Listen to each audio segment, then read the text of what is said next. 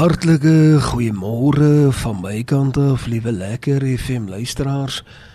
Wat 'n groot eer en voorreg om vanmôre te kan stil word met die wete dat die Here na ons luister. Jy weet liewe lekker FM vriende, daar is niks wat onbekend by die Here is nie. Hy weet alles. Hy luister na alles. Hy is ook die blink môre ster. Hy is die soet roos van Saron. En hy is God met ons. En daar bestaan geen moontlikheid dat die Here vanmôre verwyderd is van wie jy is nie. Die Here ken jou. Hy ken ook almal wat aan jou verbind is. En miskien as dit dalk vir jou voel op hierdie maandagooggend dat dinge 'n bietjie swaar voel. Dit voel vir jou dalk vanmôre asof jy nie weet hoe jy deur die dag en deur hierdie volgende week gaan kan kom nie. Dan is ek hier om vir jou te bemoedig. Lekker FM is hier om deur die woord van die Here tydens hierdie volgende 15 minute jou hart te kom stig en om vir jou daardie nodige energie, daardie nodige brandstof te gee om deur hierdie dag te beer, om jou kop omhoog te hou en te weet dat die Here aan jou kant is. En as die Here vir jou is, wie sal teen jou wees?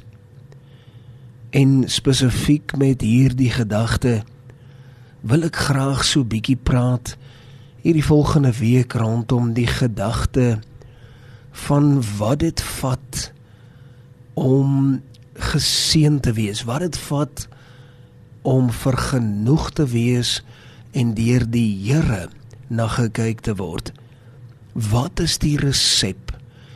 Baie maal sal ons luister na verskillende preke, ons sal miskien op 'n Sondagoggend in die kerk wees en ons sal luister en en ons sal baie maal wegstap sonder daardie nodige toerusting in ons hande wat ons weet omdat ons weet. Ons verstaan wat om te doen met dit. Ons verstaan die resep. En vanmôre is dit my begeerte om die resep vir jou oop te breek om as te ware die resep vir jou neer te skrywe dat jy dit mooi sal verstaan.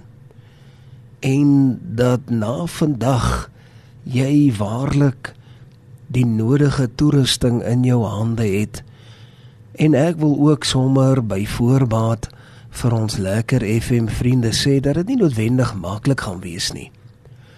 Ek glo dat baie maal moet 'n mens maar om daardie nodige voedingswaarde en ware in te kry, moet ons moet ons dalk 'n bietjie van die groente ook inkry en dit wat nie aldag miskien so lekker is nie, moet ons ook hoor en vandag gaan jy miskien dalk in hierdie volgende paar dae 'n paar gedagtes hoor uh, wat jy dalk in jou menswees mee gaan gekonfronteer word.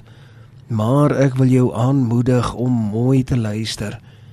En ek wil ook vir jou sê dat dit vir myself wat al vir 24 jaar in die bediening is, is dit selfs vir my 'n moeilike saak. Dit is nie maklik nie. Maar ons moet iewers te begin. Daarom wil ek ook vir jou vra om vanmôre jou Bybel in die hande te neem en saam met my te lees daaruit die 5de hoofstuk van Matteus.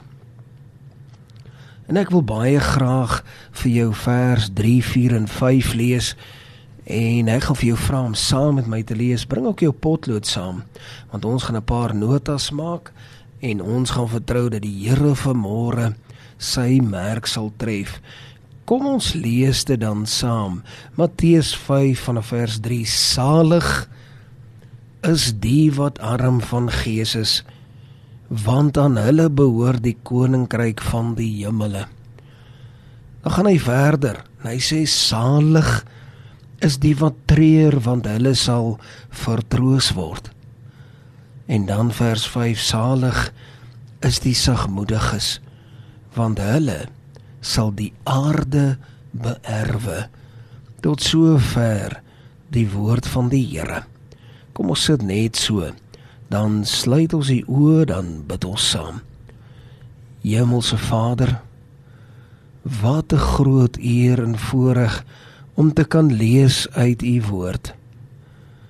Om te weet dat u dan nou ook vanmôre op 'n kosbare wyse met ons kom praat, ons harte kom stig en ons gees kom verander. Ons gees kom aanpas. Dit is 'n voorreg. Dit is 'n voorreg wat ons nie van selfsprekend aanvaar nie want daar is baie daar buite wat nie hierdie voorreg het nie. Daarom is ons dankbaar. Here kom in u wysheid en kom leer ons. Kom wys ons wat presies die weg is. Want u woord maak skeiding tussen dit wat reg is en dit wat verkeerd is. 'n Tweesnydende swaard. Dit is u woord in Jesus naam. Amen. En amen. Liewe lekker en vriende, laat my toe om te begin deur dalk net die konsep of die begrip van die woordjie salig dalk net so 'n bietjie af te breek en net so 'n bietjie oop te breek dat ons dit net verstaan. Jy weet baie maal lees ons uit die Bybel uit of mense lees vir ons en en daar is sekere woorde wat ons eintlik van kindsbeen af nie baie mooi verstaan nie en dan los ons dit maar. Jy weet ons dink ons gaan eendag as ons nou ouer word sal ons dit seker verstaan en dan gebeur dit dat ons ook al hoe minder die Bybel lees en naderhand maak dit ook nie meer saak of ons weet wat 'n spesifieke woord beteken nie.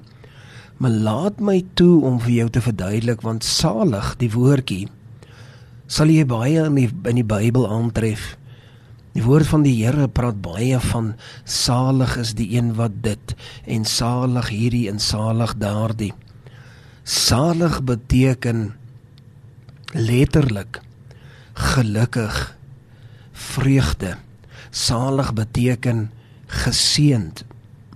Maar seker die beste verduideliking op salig sal die woord vergenoegd wees. Om vergenoegd te wees. En dan wil ek so 'n stapie verder gaan want as hier 100 mense moet staan en ek vir almal moet vra verduidelik vir my wat dink jy beteken die woordjie vergenoeg? Sal almal 'n basiese begrip hê? Maar as ek elkeen een kant moet vat, sal ek baie verskillende verduidelikings kry van wat vergenoegd beteken. Die beste manier wat daar bestaan vir my om dit effektief aan jou te verduidelik is om dit te vergelyk met wanneer jy versadig is. Wanneer ons 'n lekker ete eh, sê ons is iewerste besig om 'n lekker groot braaivleis te hou of ons is besig om iewers waar 'n lekker makiti of ons het uh, daar op 'n Kersdag of op 'n Nuwejaarsdag en jy eet op tot op 'n punt waar jy nou sê kyk nou is ek versadig. Ons almal weet wat dit beteken. Ek is versadig. Ek kan nie nog een hapie vat nie. Dit is wat vergenoeg beteken, maar binne in jou gees, binne in jou binnemens.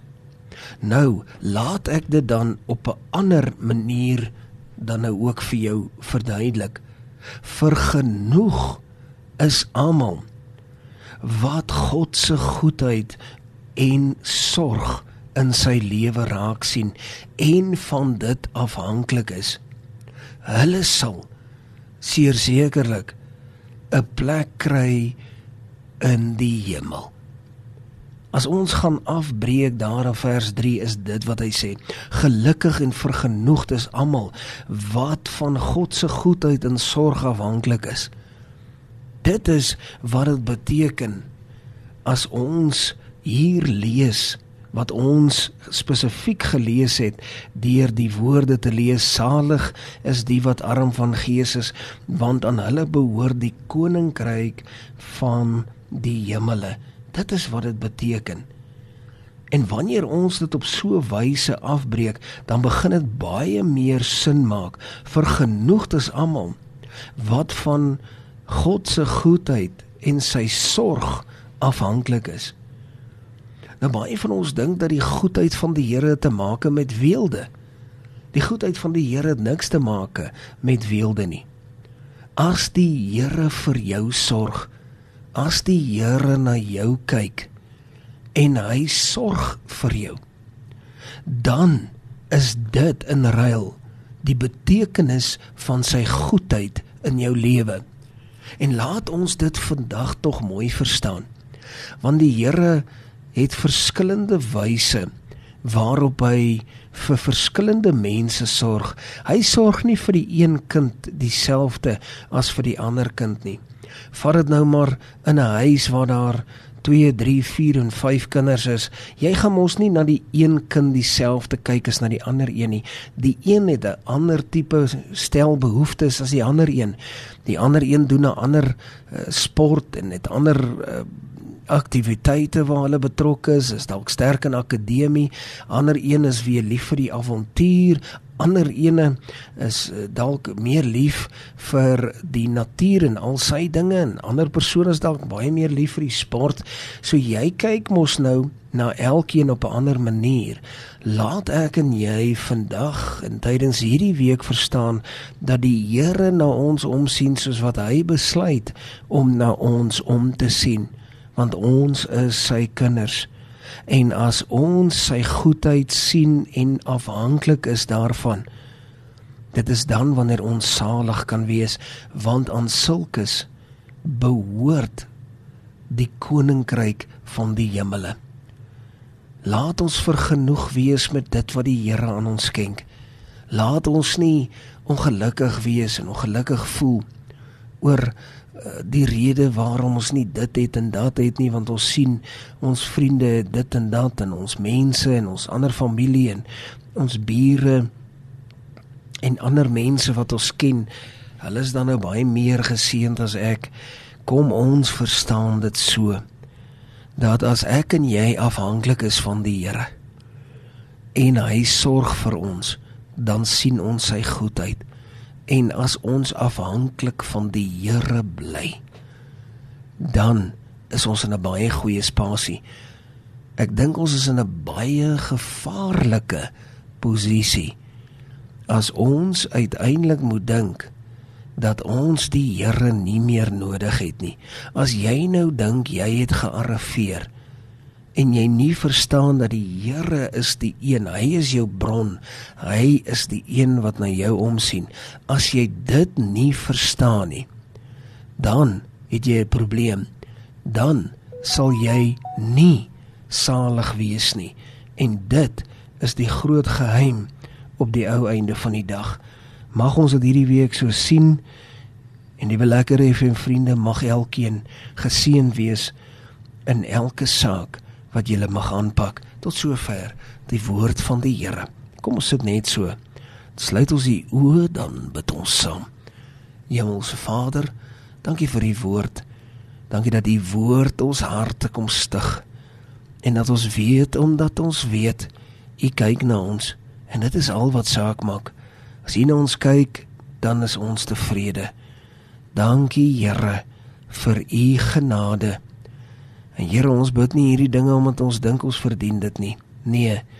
Ons bid dit want ons weet ons kan, want U is ons genadig in Jesus kosbare naam. Amen. En amen.